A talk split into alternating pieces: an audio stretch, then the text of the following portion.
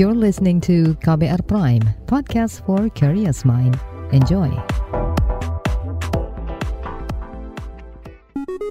Saatnya Anda dengarkan Ruang Publik KBR yang dipersembahkan oleh Komite Nasional Pengendalian Tembakau. Halo selamat pagi saudara kembali lagi Anda berjumpa bersama saya Rizal Wijaya di Ruang Publik KBR yang dipersembahkan oleh Komite Nasional Pengendalian Tembakau. Komnas PT. Tema pagi hari ini adalah stop adiksi rokok pada anak Indonesia. Baik saudara, meningkatnya prevalensi perokok muda di Indonesia disinyalir disebabkan oleh berbagai faktor, mulai dari harga rokok yang masih sangat murah dan bisa dibeli secara eceran, kemudian masifnya iklan, promosi, dan sponsor, serta lingkungan yang masih sangat lumrah merokok di sekitar anak-anak. Data riset kesehatan dasar Riskesdas menyatakan bahwa terjadi peningkatan eh, prevalensi perokok anak yaitu usia 10 sampai 18 tahun sebesar 1,9 persen dari tahun 2013 yaitu 7,2 persen ke tahun 2018 yaitu sebanyak 9,1 persen. Satu-satunya harapan penekanan prevalensi perokok anak ada pada regulasi peraturan pemerintah PP 109 tahun 2012 tentang pengamanan bahan yang mengandung zat adiktif berupa produk tembakau bagi kesehatan. Lalu, sebenarnya apa sih yang dapat dilakukan untuk mencegah peningkatan prevalensi perokok muda di Indonesia? Dan seperti apa e, revisi yang terjadi pada e, PP 109 tahun 2012? Kita akan perbincangkan bersama dua narasumber kami yang terhubung secara virtual pagi hari ini. Saya akan sapa terlebih dahulu. Yang pertama adalah Dr. Benge Saragi, M. Epit, Ketua Tim Kerja Penyakit Paru Kronis dan Gangguan Imunologi Kementerian Kesehatan RI. Selamat pagi, dokter. Selamat pagi, Pak Rizal Wijaya. Salam Selamat. sehat, dokter Benget. Pak. Baik, dan berikutnya uh, saya juga akan menyapa Dr. Piprim Basarah Yanuarso, SPAK, Ikatan Dokter Anak Indonesia. Selamat pagi, dokter. Selamat pagi. Baik, dan yang pertama mungkin saya ke uh, Dokter Pipin Basarah Yanuarso terlebih dahulu nih. Uh, dokter, menurut Anda nih bagaimana pendapat IDAI mengenai tingginya prevalensi perokok anak di Indonesia saat ini? Karena uh, peningkatannya uh, lumayan signifikan ya Pak ya dari tahun ke tahun. Seperti apa nih Dokter Piprim penjelasannya? Ya, tentu saja kami dari IDAI sangat prihatin sekali ya melihat kondisi ini makin tahun bukannya menurun anak-anak yang merokok bahkan jumlahnya makin banyak dan makin muda usianya ya. E, merokok ini kan banyak hal ya. Dia pintu pertama untuk masuknya zat aditif lain ya. Kemudian juga e, dari sisi ekonomi keluarga ya ayah yang merokok kemudian bisa mengurangi jumlah uang belanja keluarga ya.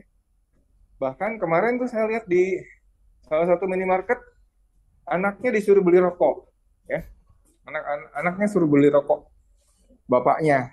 Tapi kita kan nggak tahu nanti uh, seperti apa sebetulnya apakah benar buat bapaknya atau buat dia sendiri. Anaknya ngerokok. Oke. Okay. Nah, tadi pagi nih ada kasus remaja yang apa namanya kecelakaan lalu lintas, gegar otak, patah-patah, dan dalam kondisi mabuk, eh, mabuk alkohol. Dan yang prihatin adalah tidak bisa ditanggung oleh asuransi jasa harja dan juga tidak ditanggung BPJS karena kecelakaan kan. Oke. Okay. Nah ini yang nanti jadi seperti apa? Jadi tidak bisa di cover oleh BPJS maupun uh, jasa harja seperti itu ya. Ini kaitannya dengan uh, apa namanya perokok anak ini seperti apa nih dokter? Jadi rokok itu kan pintu masuk bagi uh, zat adiktif lain ya seperti miras, narkoba. Biasanya dimulai dengan kecanduan rokok dulu ya. Nah, kalau dia sudah jadi perokok sejak usia muda, maka nanti akan sangat mudah kecanduan yang lain-lainnya, termasuk miras. Nah, tadi saya ungkapkan, kalau anak-anak itu sudah kecanduan miras, kemudian dia menimbulkan perilaku-perilaku lain yang e, menyimpang, ya, di antaranya mengemudi ugal-ugalan dan kemudian kemudian misalnya kecelakaan lalu lintas ini keluarga sangat terbebani karena BPJS nggak mau nanggung jasa harja nggak mau nanggung gitu. Ini kan harus diketahui oleh publik nih. Oke. Okay. nah ini kan istilahnya ya kasihan betul keluarga itu ya. Kecelakaan butuh pemeriksaan butuh operasi segala macam nggak ditanggung oleh asuransi gara-gara anaknya mabok misalnya. Nah ini diawali dengan merokok dulu biasanya. Sebagai pintu gerbangnya ya. Nah, ya jadi kalau anak-anak masih muda dia sudah terpapar rokok ini mau jadi apa gitu ya ini satu sisi di sisi lain dari aspek misalnya keuangan keluarga bapaknya sibuk merokok misalkan ya. Kemudian anak remajanya juga ikutkan merokok. Hmm. Uangnya yang harusnya bisa buat beli lauk, nggak ada uang buat rokok. Padahal kita sedang sibuk memerangi stunting, ya kan? Angka stunting kita harus turun, katanya 14 persen 2024 nih, dua tahun lagi. Tapi kondisi keluarganya e, seperti ini, ya ini yang juga saya kira ironis ya dan ini sebetulnya selesai dengan political will pemerintah.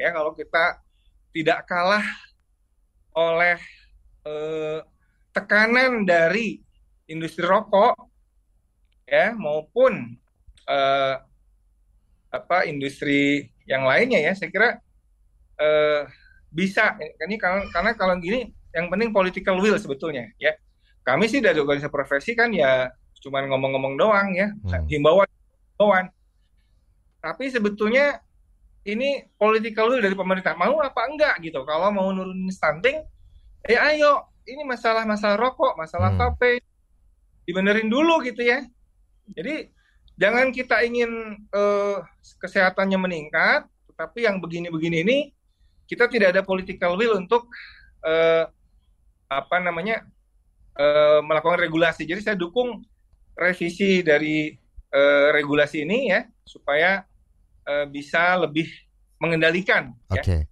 baik. Kalau tadi uh, dokter sempat menyinggung ya bahwa uh, usia anak perokok anak ini semakin hari semakin muda ya umurnya usianya. Ini datanya seperti apa dari IDAI sendiri? Uh, uh, perokok anak ini usianya rentang berapa tahun kalau di sekarang nih?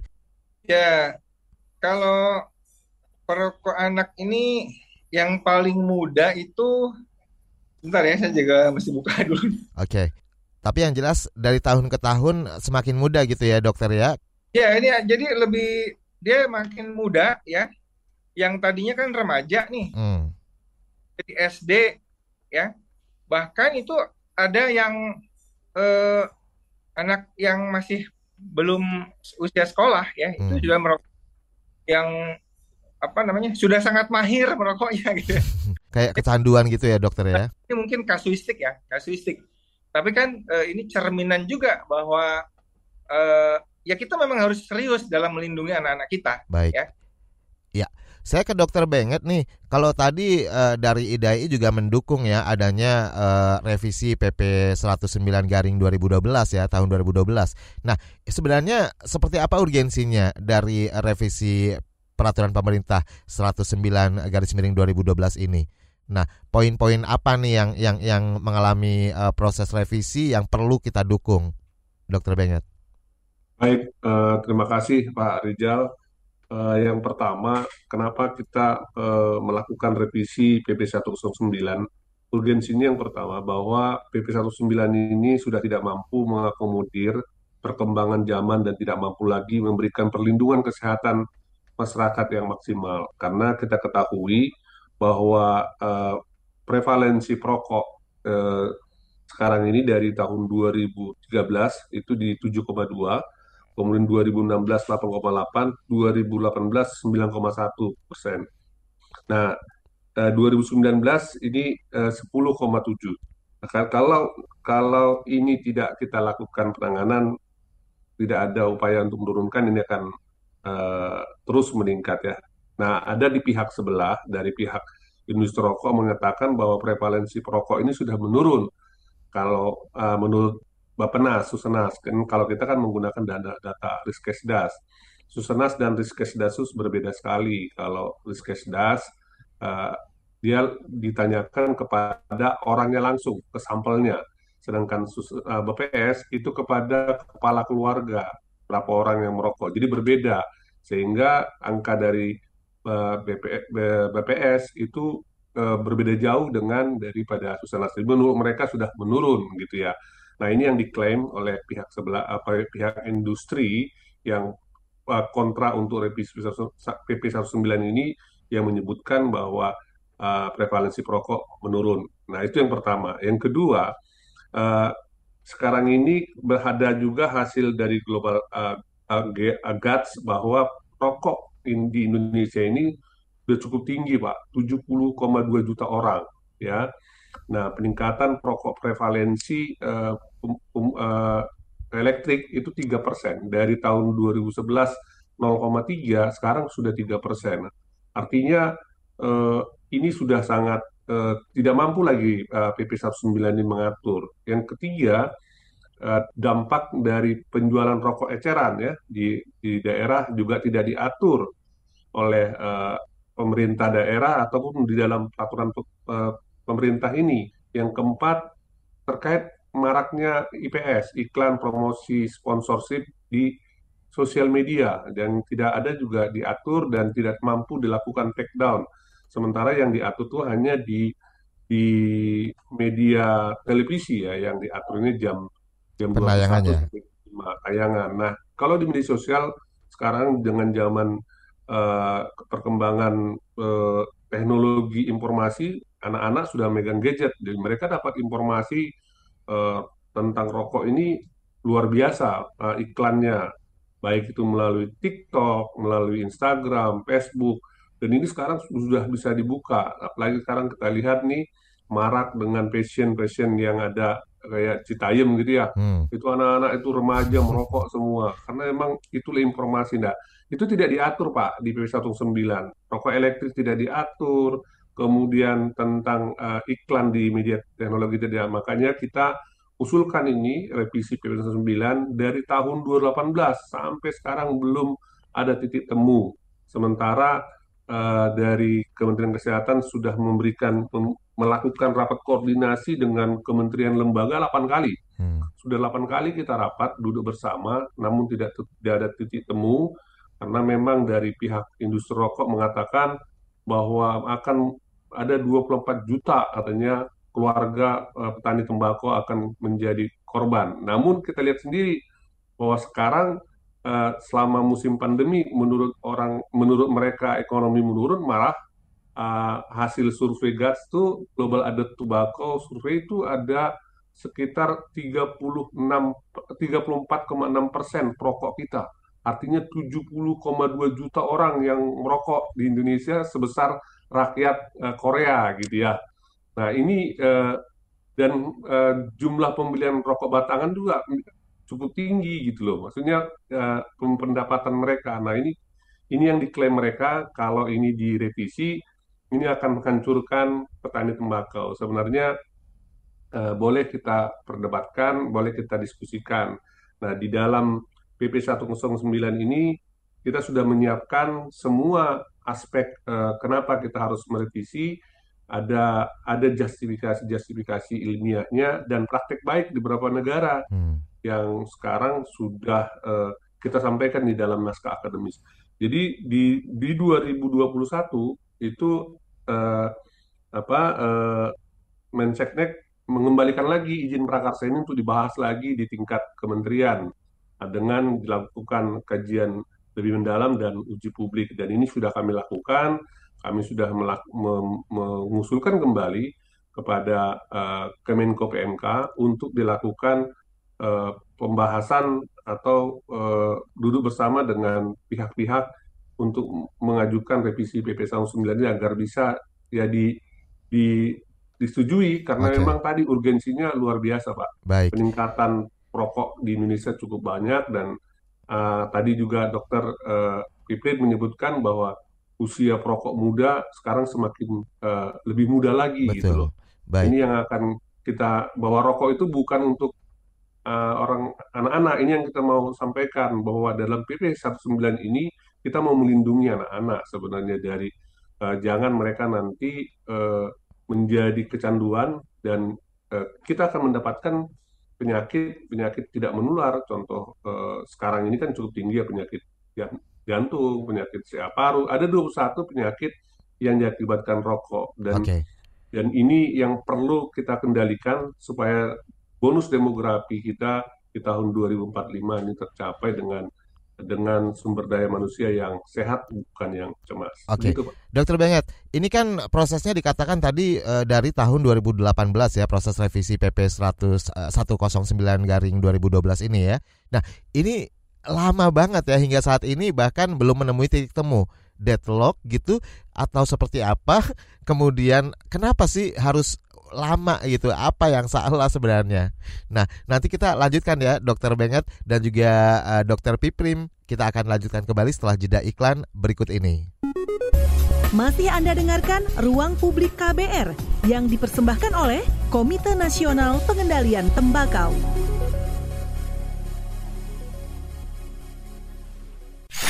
Commercial break. Commercial break. Transfer ke sini udah, bayar ini juga udah. Ke gue udah. Heh, Allah, pertumbuhan ekonomi tuh lagi melambat, persis kayak tabungan gue. Betul banget, harus matang ngelola keuangan. Pengennya tuh investasi sesuatu gitu ya. Apa gitu yang cocok dan menguntungkan? Hmm, coba dengerin uang bicara deh. Gue belakangan lagi dengerin podcast itu di KBR Prime reksadana yang tadinya 500 juta udah turun dari 250 juta sekarang 10 ribu. Sama kita ngopi mahalan mana? Ketika itu ada keputusan yang kayak begitu investor harus tahu gitu oh ada keputusan ini berarti implikasinya apa? Orang mungkin perluas literasi kamu lewat podcast Uang Bicara Uang Bicara menavigasi kamu dengan menghadirkan bahasan-bahasan seru dan populer mulai dari investasi sampai kebijakan dipersembahkan oleh KBR Prime dan bisa didengarkan di KBR Prime, Spotify, dan platform mendengarkan podcast lainnya. KBR Prime, podcast for curious mind. Masih Anda dengarkan Ruang Publik KBR yang dipersembahkan oleh Komite Nasional Pengendalian Tembakau. Anda masih bersama saya Rizal Wijaya di Ruang Publik KBR dan ke Dokter Piprim. Tadi disampaikan bahwa IDAI juga mendukung penuh ya terhadap revisi PP 109 garis miring 2012. Apa nih yang sudah dilakukan? Bagaimana bentuk dukungan IDAI terhadap uh, proses revisi PP 109 ini? Dokter Piprim. Ya, salah satu dukungannya ini kita hadir di sini. Nah, kalau, kalau dari IDAI ya kita support uh, seperti apa secara saintifik ya, secara saintifik dampak kerugian eh, anak-anak yang menjadi pecandu rokok ini ya. Tadi kan saya, saya sudah katakan ini pintu masuk ya. Ya karena anak-anak itu uh, adalah unik ya. Dia ada aspek tumbuh dan aspek kembangnya ya. Maka kalau sejak awal dia sudah eh, mengalami kecanduan eh, merokok ini selain eh, kesehatan fisiknya ya kesehatan fisiknya juga kesehatan mentalnya ini juga akan terganggu ya karena kan ini nanti pergaulannya ya merokok ini kan juga pergaulannya agak berbeda nanti dengan anak-anak yang tidak merokok ya. Tadi juga selain pintu masuk eh, terjadinya adiksi-adiksi lain yang lebih serius ya seperti narkoba ya dan alkohol miras ya. Nah, ini kan kita mau seperti apa generasi kita ke depan kalau sejak dini anak-anak itu sudah terpapar seperti ini jadi eh, mungkin kontribusi dari dari sisi saintifiknya dari sisi edukasinya ya. Tapi sekali lagi apa pun yang kita omongkan kalau tidak ada political will yang serius dari pemerintah ya ini semuanya juga akan eh, kurang bermakna ya. Apalagi masyarakat kita ini kan juga susah nih kalau dikasih kesempatannya dia akan ambil ya. Makanya kita mesti persempit peluang anak-anak itu bisa memperoleh rokok ya eh, dia perketat regulasinya dan seterusnya jadi intinya kalau longgar ya Dia ada anak-anak beli rokok, alasannya disuruh orang tuanya, saya disuruh bapak saya. Itu dibiarin aja, dilayanin aja sama di apa tuh minimarketnya itu ya. Kita kan nggak tahu dia beli rokok buat dia sendiri atau buat bapaknya, alasannya buat beli beli bapaknya. Itu semudah itu anak-anak memperoleh rokok ya. Eh, kira-kira begitu mas. Oke. Okay. Jadi idai dari saintifiknya, tapi politikal dari pemerintah itu jauh lebih bermakna. Satu tanda tangan saja dari pemerintah itu bermakna dari omongan berbusa-busa dari idai. Eh, itu saya kira.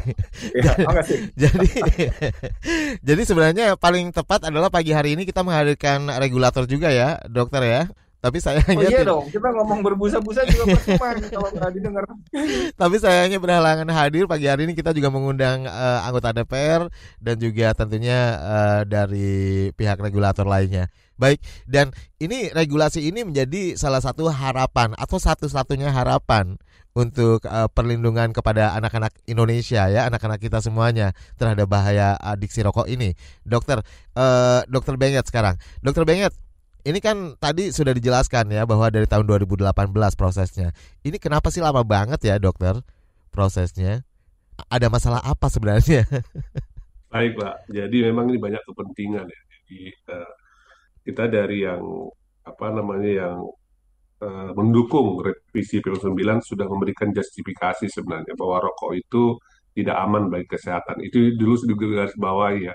Kita mau melindungi anak-anak kita dari ancaman atau dampak paparan asap rokok ini. Namun dari ada beberapa uh, kementerian yang menolak ya, menolak uh, contoh Kementerian Perindustrian, Kementerian Perekonomian, mereka menolak uh, kalau PP ini diterapkan ini akan mengganggu perekonomian ya di Indonesia dan termasuk dari pihak uh, apa uh, asosiasi industri rokok dan asosiasi petani tembakau. Nah, mereka menolak menurut mereka bahwa PP 109 ini masih relevan digunakan dan masih mampulah untuk mengendalikan prevalensi perokok. Nah, yang tadi Pak, mereka menggunakan uh, hasil survei BPS, sementara kita tidak menggunakan itu. Nah, uh, kemudian so, mereka dengan dengan dengan tegas menolak revisi PP 109 ini kalau mereka melihat sebenarnya ya uh, dari uh, pendapatan dari cukai dengan pengeluaran uh, akibat rokok ini itu lebih banyak kerugiannya sebenarnya. Ada survei yang dilakukan tahun 2017 bahwa dari 21 penyakit akibat rokok itu pengeluaran negara itu 536 miliar eh, triliun. Sementara pemasukan dari cukai pajak itu 156 triliun. Artinya kerugian tiga kali uh, kerugian negara cukup tinggi ya tiga kali tiga kali lipat ya dari uh, pemasukan dari cukai ini. Nah itu Pak, jadi ada uh, kementerian yang menolak untuk uh, PP ini direvisi. Oke. Jadi uh, beberapa kementerian menolak gitu ya, dokter? Ya. Nah, kira-kira uh, bagaimana nih tanggapan dokter dengan uh, penolakan ini? Uh, sebenarnya kenapa sih harus menolak gitu loh ya? Kemudian uh, apa ya namanya ya? Uh, mengcounter bahwa memang ini kalau misalnya merugikan pihak-pihak tertentu yang tadi disebutkan, ini merugikannya di mananya gitu loh? Mungkin ada tanggapan mungkin dari dokter Benyet. Ya, jadi yang pertama yang tadi bahwa menurut mereka bahwa dengan direvisinya PP 109 ini akan menurunkan produksi rokok gitu ya, pendapatan rokok petani karena memang akan banyak orang tidak merokok lagi. Nah, menurut mereka dengan PP 109 sekarang penerapan kawasan tanpa rokok ini aja yang perlu ditingkatkan, kemudian edukasi ke masyarakat. Nah, sementara PP 109 ini nggak mampu mengatur itu gitu loh. Contoh untuk mengedukasi, tapi larangannya tidak ada. Nah kan contoh di iklan ini kan perlu diatur, dilarang ini tidak ada. Kemudian rokok elektrik juga tidak dilarang. Nah ini kita sampaikan, tapi yaitu tadi uh, semua berasumsi uh, mereka uh, dengan alasan ekonomi, Pak. Nah ini yang perlu sebenarnya tinggal apa ya, keinginan dari mereka-mereka ya melihat bahwa ada 70,2 juta orang yang perokok di Indonesia ini mau ke mana ke depan nih anak bangsa kita ini kalau mereka udah usia lima tahun, tujuh tahun sudah merokok sehingga mereka nanti kecanduan, ini kan susah untuk berhenti merokoknya. Nah, ini yang sebenarnya kita dorong terus dari Kementerian Kesehatan yang mendukung untuk ini bisa disetujui ya di revisi PP 19 ini karena memang fakta data sudah cukup akurat sebenarnya bahwa eh, kita tidak akan mampu menurunkan prevalensi perokok kalau ini tidak diatur dengan tegas. Begitu. Oke. Baik, ya dan sekarang saya akan ke beberapa pertanyaan yang sudah masuk ya melalui uh, akun YouTube channel Berita KBR. Ada Ratna Kurniawati di sekitar saya, anak kelas 5 SD sudah ngerokok. Secara lisan saya berikan edukasi personal. Pertanyaannya, gimana caranya agar anak kita tidak mencicipi rokok di usia muda? Peran orang tua seperti apa yang harus diberikan kepada anak? Nah, mungkin ini tepat ya untuk uh, IDAI. Silakan boleh ya ditanggapi Dokter Piprim. Jadi sebetulnya keluarga itu benteng terakhir ya dan paling utama ya. Saya kira kalau regulasi dari pemerintah itu susah untuk diharapkan menghambat eh, anak-anak uh, itu supaya beli rokok, maka keluarga adalah benteng yang paling kuat. Nah, ini tentu saja nanti akarnya adalah bagaimana pola asuh orang tua, ya, komunikasi antara orang tua dengan anak, ya, diberi pengertian ya. Yang susah kalau bapaknya juga merokok, hmm. ibunya merokok. Ya ini kan memberi contoh yang baik buat anak supaya merokok, ya kan? Jadi saya kira kalau mau mulai dari bapak-bapaknya, ya ini akan, akan susah. Kita lihat misalkan tokoh panutan di daerah itu merokok, merokok yang sangat kuat. Apalagi mohon maaf, apalagi tokoh ulama misalkan. Itu anak-anak jadi jadi figur tuh ah kiai itu juga merokoknya kuat kok gitu kira-kira begitu nah ini makanya menurut saya nih eh, keluarga ini tetap menjadi benteng ya oke okay. kalau di keluarga tersebut diajarkan ya bahayanya merokok sejak dini dan seterusnya maka insya Allah ya insya Allah anak-anak kita itu sudah bisa terbentengi sejak Baik. awal karena gimana pun juga keras. Ya, gimana pun juga orang tua menjadi role model bagi anak-anaknya gitu ya dokter ya? Iya jelas betul betul. Susah mengharapkan anak tidak merokok kalau bapak ibunya perokok berat. Baik. ya dan ada juga pertanyaan buat dokter Benget, tapi nanti saya akan bacakan ya. Uh, jawabannya uh, ditunggu juga nanti setelah jeda iklan. Uh, pertanyaannya adalah boleh bacakan sekarang saja ya untuk uh, soal iklan. Oke. Ada pertanyaan dari Wikan. Iklan rokok di media konvensional uh, di radio atau TV gitu ya dibatasi jam tayangnya mulai boleh siar di atas jam 10 malam. Tapi iklan rokok di media digital, medsos tidak diatur. Nah, bagaimana nih uh, pengaturannya sebaiknya? Adakah uh, mungkin dimasukkan dalam poin-poin revisi uh, PP tersebut peraturan pemerintah gitu ya? Dan bagaimana untuk bisa mengurangi perokok pemula? Ini pertanyaan dari Wikan. Tapi jawabannya nanti ya, dokter ya. Tetap di ruang publik KBR bersama saya Rizal Wijaya. Masih Anda dengarkan Ruang Publik KBR yang dipersembahkan oleh Komite Nasional Pengendalian Tembakau. Anda masih bersama saya Rizal Wijaya di ruang publik KBR dan kita masih mengangkat tema stop adiksi rokok pada anak Indonesia menghadirkan Dr. Benget Saragi MEPIT Ketua Tim Kerja Penyakit Paru, Kronis dan Gangguan Imunologi Kementerian Kesehatan RI, kemudian Dr. Piprim Basra Yanuarso SPAK Ikatan Dokter Anak Indonesia. Dan uh, sebelum kita membahas kembali ya pertanyaan sebelum jeda tadi dari saya untuk uh, Dr. Benget ini ada pertanyaan dari Wahyu di Bekasi yang sudah uh, menelpon kami ya. Selamat pagi Wahyu. Halo, selamat pagi. Ya, silakan Wahyu.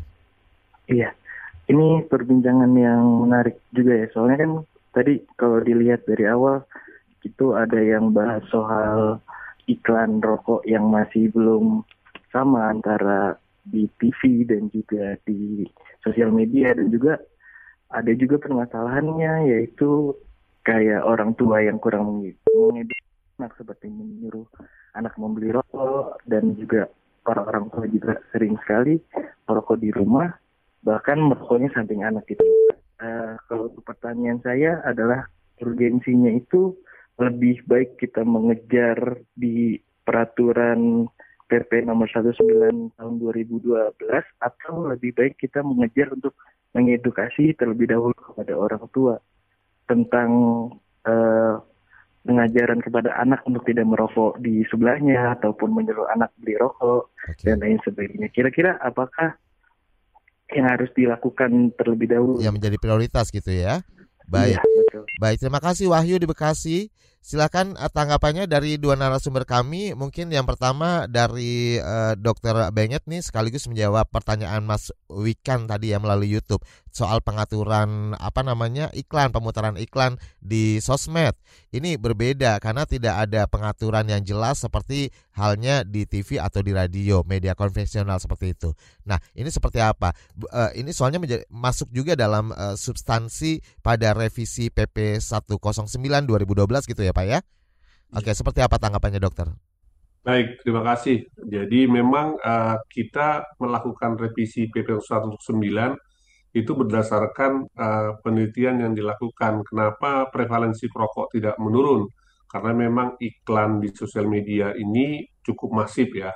Itu tidak ada aturannya yang melarang iklan uh, rokok di sosial media. Uh, kita juga minta kepada Kominfo untuk melakukan take down semua iklan yang ada. Mereka tidak berani karena hmm. uh, tidak ada larangan, tidak ada diatur di dalam peraturan pemerintah. Nah, itu yang pertama. Nah, maka kami dari Kementerian Kesehatan uh, mem meminta untuk di, di PP 19 itu diatur atau dilarang. Uh, karena memang um, di tahun 2021 ini hasil survei yang mengatakan bahwa uh, ada peningkatan 11 kali lipat dari 1,9 di tahun 2011 menjadi 21,4 paparan orang untuk melihat iklan di uh, di sosial media. Nah ini ini yang menjadi uh, kekhawatiran kita kalau ini tidak diatur maka akan banyak nanti anak-anak ya anak-anak anak-anak anak kita melihat iklan rokok di di media. Jadi harapannya di P19 ini itu diatur. Yang kedua, mana yang lebih dahulu hmm. uh, uh, terkait untuk menurunkan prevalensi ini apakah orang tua yang kita edukasi atau anak-anak ini harus sejalan sebenarnya. PP 19 sudah mengamanatkan kepada seluruh pemerintah daerah, Pemda, Eh, untuk menerbitkan peraturan daerah tentang kawasan tanpa rokok. Nah, harapan kita dengan penerapan kawasan tanpa rokok ini maka akan e, semakin sempit ruang orang merokok di area-area yang yang sangat kita lindungi. Contohnya ada tujuh tatanan ya di di kawasan tanpa rokok ini yang harus di tidak boleh merokok. Yang pertama di fasilitas kesehatan itu tidak boleh ada yang merokok. Yang kedua di di sarana pendidikan. Ini juga uh, guru, uh, murid, uh, kemudian di sekolah itu benar-benar harus menerapkan kawasan tanpa rokok, tidak ada iklan, tidak ada sponsor, tidak ada menjual rokok, tidak ada asbak rokok, dan kawasan itu benar-benar uh, uh, apa ya penerapan kawasan tanpa rokok. Yang ketiga tempat bermain anak. Uh, ini uh, terus sarana transportasi, sarana transportasi juga kita harapkan dia eh, KTR, kemudian di tempat ibadah, yang kemudian di tempat-tempat umum yang ditetapkan oleh pemerintah, tempat kerja, itu harusnya eh, kawasan tanpa rokok dan disiapkan tempat-tempat rokok yang yang yang layak lah ya. Artinya tidak satu tempat dengan orang-orang yang tidak merokok. Artinya disiapkan yang dia terhubung dengan udara bebas. Kemudian di tempat umum yang ditetapkan oleh pemerintah, misalnya di mall, di di apa restoran, ini juga harus ada tempat merokok, tapi yang benar-benar juga tadi dia tidak terhubung dengan tempat. Nah, kalau kawasan tanpa rokok ini diterapkan dengan baik oleh pemerintah daerah, ya kami yakin anak-anak akan eh, tidak melihat banyak merokok gitu ya, sehingga ini akan menurunkan prevalensi perokok juga. Yang yang ketiga, kita juga berharap dari rumah juga itu sudah diterapkan ya. Di rumah itu kalau ada perokok jangan merokok di rumah. Ya boleh kalau enggak keluar lah hmm. supaya anak-anak nggak melihat contoh bahwa uh, orang tuanya merokok be bebas di rumah. Nah, ini upaya uh, edukasi yang harus dilakukan. Yang terakhir karena memang di Indonesia ini eh, kalau kamu sudah besar, kalau kamu sudah bekerja, baru kamu boleh merokok begitu kan. Nah, ini yang harus dirubah tata cara uh, edukasi seperti ini dan dan juga uh, kita tidak kita meminta kepada orang tua ya janganlah menyuruh anaknya masih kecil suruh beli rokok ke warung. Nah, ini ini terbiasa bahwa rokok itu ternyata tidak apa-apa, padahal rokok itu sangat berbahaya. Tadi juga dokter Ibrin menyebutkan bahwa rokok merupakan pintu masuk dari uh, adiksi-adiksi lain, narkoba, okay. ya alkohol. Nah itu menurut saya Pak, ya jadi sejalan ya. Revisi PP 19, edukasinya harus sejalan. Secara, para, secara paralel bersamaan seperti itu ya dokter ya. Iya. Baik. iya. Kalau dari dokter Pipim sendiri ada yang mungkin ditanggapi dari para pertanyaan dari Mas Wahyu tadi yang sudah menelpon dari Bekasi. Ini menarik ya karena uh, prioritasnya yang mana nih antara uh, proses revisi PP 109 2012 atau meningkatkan awareness di masyarakat soal bahaya rokok? Ya, saya kira ini saya sepakat eh, eh, bahwa ini harus sejalan bareng-bareng ya. Karena memang eh, keluarga di Indonesia itu kan berbeda ya. Berbeda. Ada kalau dia keluarganya istilahnya memang dari lingkungan yang eh, bagus komunikasi antara orang tua dengan anak ya, terbuka. Kemudian juga bapak ibunya juga memang tidak merokok dan tidak suka merokok, maka ini akan mudah dikondisikan. Hmm ini nih edukasi keluarga sudah cukup. Tetapi ya pada kondisi-kondisi tertentu yang keluarga itu tidak uh, mendukung ya tidak tidak tidak peduli anak yang mau rokok mau enggak kayak dia nggak ngerti bahkan masih kecil dia dikasih rokok oleh keluarganya gitu ya karena nggak ngertinya itu. Nah yang begini-begini inilah kemudian aturan-aturan yang ketat itu diperlukan ya. Jadi dua-duanya perlu. Edukasi keluarga uh, cukup pada keluarga-keluarga yang memang uh, bagus edukasinya ya hubungannya bagus tapi kalau pada keluarga-keluarga tertentu yang orang tuanya bapak ibunya kerja dari pagi sampai malam rumahnya tinggal di rumah petakan anak-anaknya diabur dengan teman-temannya ya tanpa edukasi yang bagus di keluarganya yang begini nih tentu saja regulasi dari pemerintah sangat-sangat diperlukan. Ya? Oke. Jadi jadi tidak bisa mengandalkan salah satunya gitu ya dokter ya? Tidak bisa. Kondisi-kondisi yang berbeda itu tidak bisa ya. Baik, jadi dua-duanya harus sejalan secara paralel bersama-sama ya antara uh, meningkatkan awareness di masyarakat dan juga uh, peraturan pemerintah atau regulasi ini ya yang sangat dibutuhkan saat ini. Nah, ini yang terjadi kawasan tanpa rokok ini beberapa misalnya fasilitas umum seperti itu, taruhlah stasiun atau bandara, ini masih menyediakan uh, smoking area. Nah, kayak setengah-setengah gitu jadinya kawasan tanpa rokoknya ya. Ini seperti apa sih sebenarnya Dokter Benget? Baik, jadi uh, yang tidak boleh ada tempat merokok itu hanya lima tempat, Pak. Oh, yang okay. pertama, yang pertama pasiankes itu tidak boleh ada tempat merokok. Kemudian uh, sarana pendidikan, kemudian tempat ibadah, tempat bermain anak, sama sarana transportasi bus, kereta api, pesawat tidak boleh ada tempat merokok. Tapi di tempat-tempat kerja, di tempat umum yang tempat publik itu masih boleh ada tempat merokok, tapi dia harus memenuhi uh, standar ya, artinya jangan digabung dengan gedung yang yang orang tempat berkumpul di sana dia harus hmm. sendiri, dia harus dengan sebenarnya dia bebas udaranya keluar ke uh, ke apa ke awan ke ke apa lah udara bebas udara bebas jangan, uh, jangan ditaruh di dalam mereka terkumpul semua di situ nah itu sangat berbahaya sebenarnya Oke, oh jadi ada beberapa tempat yang memang uh, diizinkan atau membolehkan untuk adanya uh, kawasan perokok gitu ya, untuk ya, smoking area seperti itu ya. Ada dua tempat itu ya. Baik, dan kita harus jeda terlebih dahulu. Nanti kita akan lanjutkan kembali tetap di ruang publik KBR bersama saya Rizal Wijaya.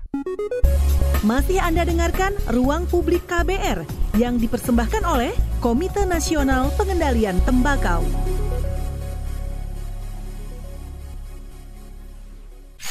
Commercial break. Commercial break.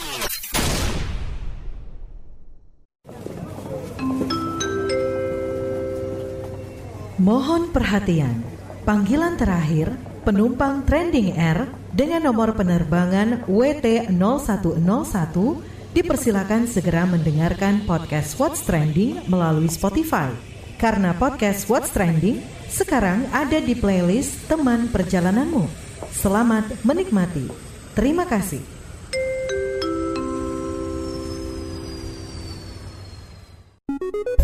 Masih Anda dengarkan Ruang Publik KBR yang dipersembahkan oleh Komite Nasional Pengendalian Tembakau.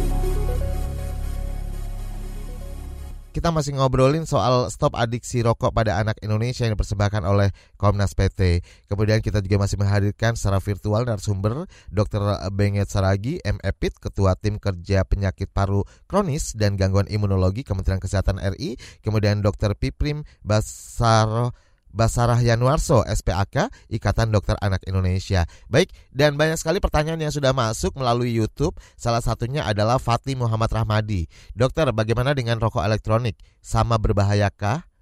Karena banyak juga anak-anak yang menggunakannya. Juga bisa dibeli secara online juga. Semoga ini juga diatur di PP yang sedang direvisi. Nah, masuk sebenarnya ya dalam uh, revisi PP 109. Dokter, silakan boleh dijawab nih pertanyaan dari Fatih Muhammad Rahmadi. Ya, silakan. Jadi eh, rokok elektronik itu sama berbahayanya, bahkan lebih berbahaya lagi karena dianggap tidak berbahaya. Jadi lebih berbahaya karena dianggap tidak berbahaya ya? Kata kuncinya, dia lebih berbahaya karena dianggap tidak berbahaya. Ya, padahal itu kan sama-sama memasukkan asap juga ke apa namanya ke dalam paru-paru ya. Jadi itu akan mempengaruhi sistem imunitas lokal di paru-paru, gerakan silia atau rambut-rambut getarnya, sehingga imunitasnya bisa sangat menurun ya. Nah ini eh, banyak eh, penelitian-penelitian ya yang menunjukkan hal itu.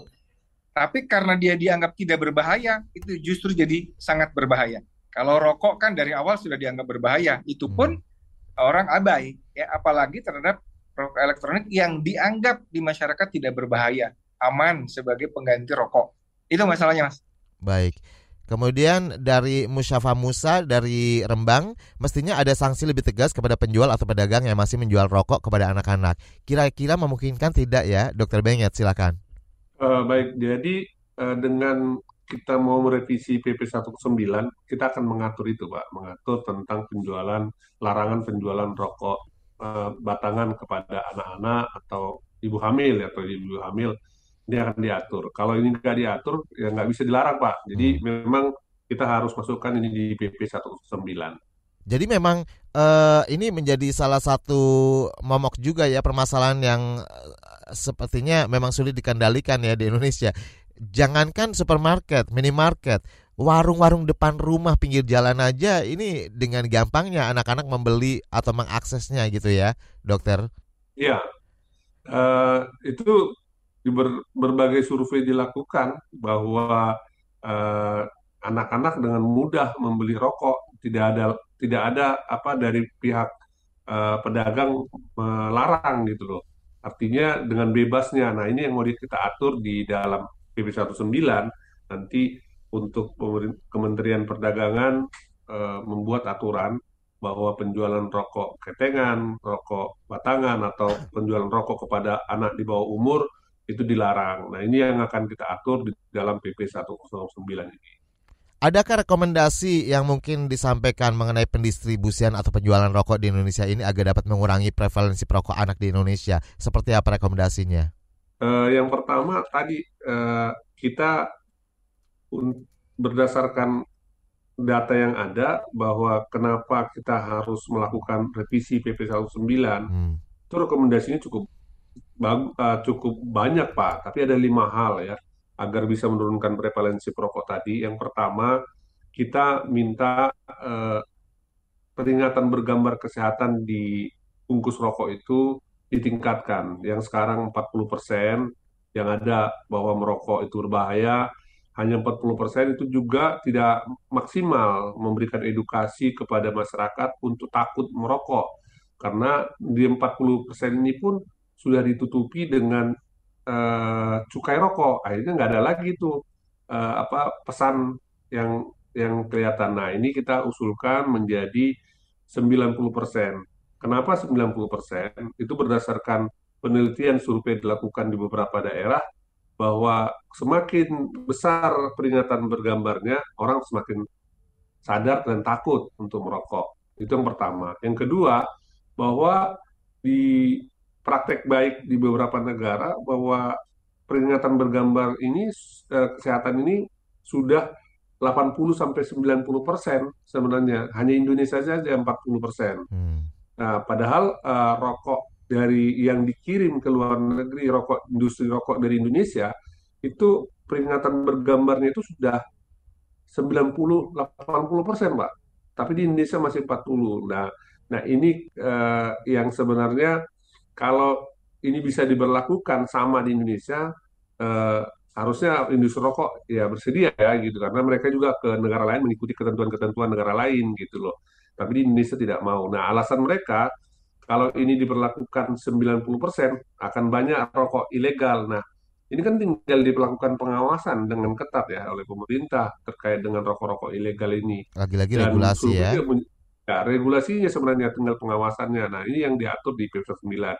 Yang kedua, terkait dengan iklan rokok ini supaya prevalensi rokok ini menurun, ya iklan rokok di sosial media, ya di media internet ini harus dilarang, gitu, hmm. harus dilarang jadi jangan diatur, dilarang karena memang uh, di TikTok, di Instagram, di Facebook ya ini harus diatur. Nah ini kita akan bergerak bersama sebelum PP 19 ini kita akan bersama dengan Google, dengan Meta ya agar ini bisa untuk iklan-iklan rokok yang di sosial media bisa di di, di apa dikendalikan. Sudah diambil langkah ini ya dokter ya? Iya, kita akan adakan rapat dengan mereka dan Kominfo pun sudah bergerak sebenarnya. Tapi mereka nggak mampu melakukan take down pak, hmm. nggak mampu melakukan take down kalau nggak ada lara, uh, aturan tetap. Sehingga kita nanti akan bekerja sama dengan uh, Google dengan Meta ya. Okay. Nah itu yang kedua terkait dengan rokok elektrik. Ini juga kan tadi tiga tiga kali Eh, tiga persen sekarang rokok uh, elektrik di Indonesia dan ini ternyata anak-anak muda ya anak-anak remaja yang banyak merokok elektrik ini. Nah kalau kita di kita lara kita atur ya kita atur bukan melarang ya pak kita atur bahwa rokok elektrik bukan untuk anak-anak. Nah ini eh, akan bisa menurunkan menurunkan prevalensi perokok dan kita harapkan juga di rokok elektrik ada juga peringatan bergambarnya bahwa okay. rokok itu berbahaya karena dia sama halnya seperti rokok konvensional okay. ya, karena dia adiksi juga. Baik. Yang ke, ya, terus eh, berikutnya yang akan kita dorong supaya prevalensi rokok tadi ya penjualan rokok batangan, penjualan rokok batangan kepada anak-anak ya itu dilarang gitu. Ya. Jangan dilarang. Dan terakhir kita perkuat pengawasan di dari dari daerah. Nah, ini daerah kita harapkan dengan peraturan-peraturan daerahnya tadi untuk kawasan tanpa rokok itu diterapkan dengan baik dimulai okay. dari pimpinan Jadi daerah. semuanya bersinergi ya dokter ya antara iya. pusat dan daerah. Sayang sekali iya. waktunya terbatas sekali okay. ya. Jadi uh, kita harus akhiri untuk talk show ruang publik pagi hari ini. Dokter Piprim mohon maaf sekali ya. Kita juga menggang mengganggu praktik Anda pagi hari ini tadi sampai ada anak uh, nangis ya pasien ya dokter ya. Mohon maaf loh dokter. Mohon maaf banget loh. Dan Dokter Benget juga terima kasih sekali. Terima kasih. Saya Rizal Wijaya harus segera pamit. Terima kasih. Salam. Baru saja Anda dengarkan Ruang Publik KBR yang dipersembahkan oleh Komite Nasional Pengendalian Tembakau. KBR Prime, cara asik mendengar berita. KBR Prime, podcast for curious mind.